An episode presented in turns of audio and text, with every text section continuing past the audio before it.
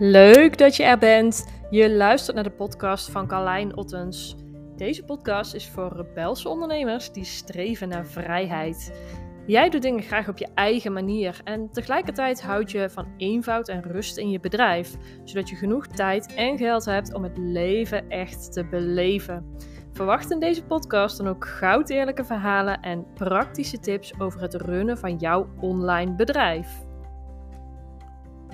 Hey, leuk dat je weer luistert naar deze podcast. Afgelopen week heb ik uh, best wel wat gesprekken gehad met verschillende ondernemers. Waarbij een van de thema's was het uh, beleggen of het investeren van je geld. En dat inspireerde mij om deze podcast op te nemen, omdat ik zelf het afgelopen of de afgelopen jaren vooral veel bezig ben geweest met uh, nou ja, het goed beleggen van mijn geld. De eerste jaar van het ondernemerschap heb ik uh, als doelstelling voornamelijk gehad natuurlijk om, uh, om omzet uh, te vergroten, mijn winst te vergroten. En ik merk dat ik dit jaar in een fase ben gekomen dat ik eigenlijk weinig focus um, ja, meer heb op het verhogen van die omzet en van die winst. Maar dat ik vooral bezig ben geweest met het goed investeren van mijn geld. En ik denk dat daar ook gelijk een belangrijke eerste les in zit van deze podcast. En dat is dat je bezig mag gaan met um, niet alleen hoe kan ik uh, morgen meer geld verdienen, maar ook hey, wat kan ik doen om in de toekomst juist veel profijt te hebben van de cashflow, van het geld wat je op dit moment al hebt. En dat is iets waar ik dit jaar de focus op heb gelegd. Waardoor ik denk dat ik uiteindelijk dit jaar misschien evenveel uh, winst heb gedraaid als afgelopen jaar. Dus ik heb het niet verhoogd. Het jaar is nog niet voorbij, maar ik kan daar een prognose op maken. Maar het heeft er wel voor gezorgd dat ik um, door het geld wat ik belegd, heb in verschillende bronnen, um, dat ik daarmee in de toekomst juist hele grote stappen ga maken met mijn uh, vermogen. Nou, waar beleg ik mijn geld in? in uh, deels in crypto, uh, deels in aandelen op de beurs en grotendeels in vastgoed. Daar zit mijn grootste vermogen in, omdat ik dat nog steeds zie als de meest, um, ja, meest stabiele, meest tastbare um, uh, bron, zeg maar, uh, om in te investeren.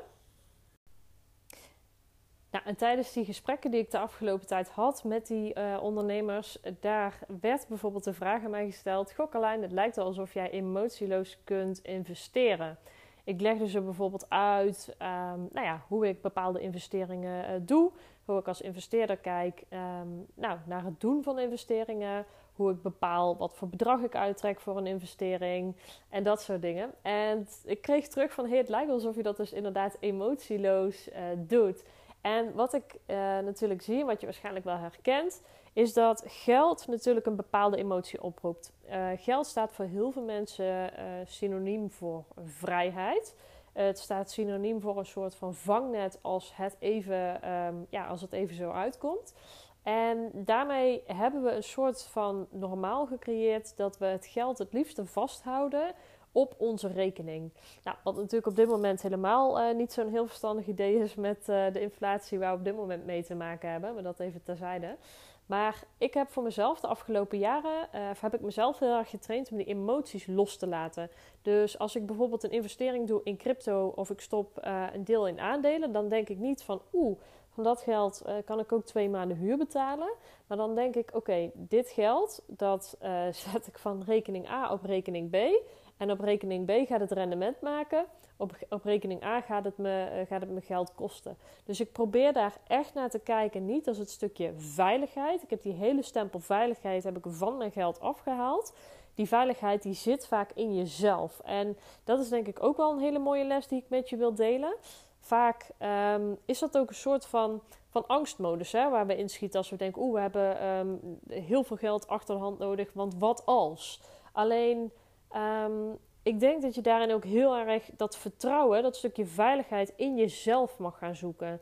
En dat is ook iets waar ik mezelf de afgelopen jaren op getraind heb dat ik niet mijn spaarrekening als veiligheid zie, maar dat ik, dat, uh, dat ik zelf het vermogen heb om, als er wat dan ook gebeurt, of we nu in een recessie aankomen, of dat um, ik bij wijze van een paar maanden geen omzet zou draaien, dat ik altijd de veiligheid in mezelf heb, de, de, de kennis en de wijsheid in mezelf heb, om dat geld weer naar me toe te trekken op, um, nou ja, op, op een of andere manier, zeg maar. Omdat ik uh, dat vertrouwen in mezelf heb, dat ik daar uh, wijs genoeg in ben. En dat is ook hetgeen waar jij jezelf in mag gaan trainen, om die veiligheid in jezelf te zoeken, om dat vertrouwen in jezelf te leggen, in plaats van uh, dat geld op je rekening te houden eigenlijk. Dus ik koppel die emotie heel erg los van geld. En iets wat ik ook wel eens terug wil komen bij de mensen om me heen is dat uh, mensen bij het maken van een investering vooral kijken naar hey, wat, uh, wat kost het me en hoeveel heb ik op dit moment en wat kost dat me. En uh, dat is iets wat ik voor mezelf al een hele tijd heb omgebogen. Ik kijk nooit naar oké, wat heb ik en wat kan ik investeren, maar ik kijk altijd naar wat levert het me op en hoe ga ik het realiseren dat ik het kan betalen. En dat, dat kan in verschillende uh, vormen zijn. Ik ga even wat praktische voorbeelden geven. Um, als ik nu natuurlijk ga investeren in vastgoed, uh, dat hele bedrag heb ik ook niet op mijn rekening staan. Daar heb ik een, uh, een financiering voor nodig. Ik kijk dan voornamelijk naar, oké, wat kost het mij die financiering aan te gaan? Wat levert het mij op in de huur?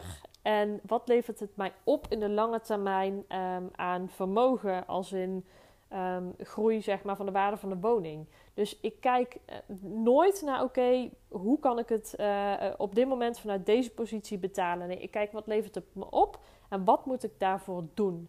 Nog een ander praktisch voorbeeld. De woning waar ik op dit moment woon. Um, daarvoor had ik maandelijks gezien iets meer geld nodig zeg maar, om aan mezelf uit te kunnen keren. Ik heb daarbij niet gekeken naar, oké, um, wat kan ik betalen? Toen ik in Amsterdam kwam wonen, heb ik voornamelijk gekeken naar hoe wil ik wonen en hoe ga ik dat creëren. En dat is een mooie mindset, uh, ja, mindset switch, zeg maar, die mij heel erg uh, aan het denken zet van oké, ik wil iets realiseren, wat moet ik daarvoor doen? En niet ik sta op een bepaald punt, dus wat is er mogelijk? Nee, ik wil iets realiseren en hoe ga ik dat doen? En dat is ook hetgeen wat ik uh, leer van nou ja, grote, grotere uh, beleggers of uh, grotere ondernemers. Die kijken niet naar wat zijn de mogelijkheden binnen het kringetje waar ik nu in leef. Nee, die kijken naar wat moet ik doen en hoe ga ik dat realiseren. Dus welke kennis heb ik nodig? Um, wat voor investeringsbudget heb ik nodig? En natuurlijk gaat het daarbij ook dat je het stukje vertrouwen gaat creëren dat de stap die je gaat zetten uit gaat werken zoals je wilt. Maar dat is dan natuurlijk hetgeen waar je, uh, waar je aan mag werken. Overigens kan ik nog uh, een veel langere podcast opnemen als het gaat over uh, investeren. Ik zal je daar de komende tijd ook meer in meenemen. Want ik ben, nou ja, zoals ik al zei, ook nieuwe stappen aan het maken in het vastgoed. En daar kan ik ook vast en zeker wat interessants over delen met je om je daar ook meer over te leren. Um, dus verwacht dat ook zeker de komende tijd uh, hier op mijn podcast. Bij deze uh, nou, wil ik deze podcast weer afsluiten. Even een kortere podcast uh, voor vandaag. Uh, vanuit de inspiratie die ik dus had de afgelopen week. Um, ik zal de komende tijd ook meer podcasts gaan opnemen. Want podcast wordt een belangrijker onderdeel van mijn eigen marketing. En omdat ik ook heel veel inspiratie voel om heel veel met je te delen. En ja, dus verwacht dat de komende tijd. Ik wens je een fijne avond of een fijne ochtend of een fijne dag. Op welk moment je dit ook luistert. En dank je wel weer voor het luisteren naar deze podcast.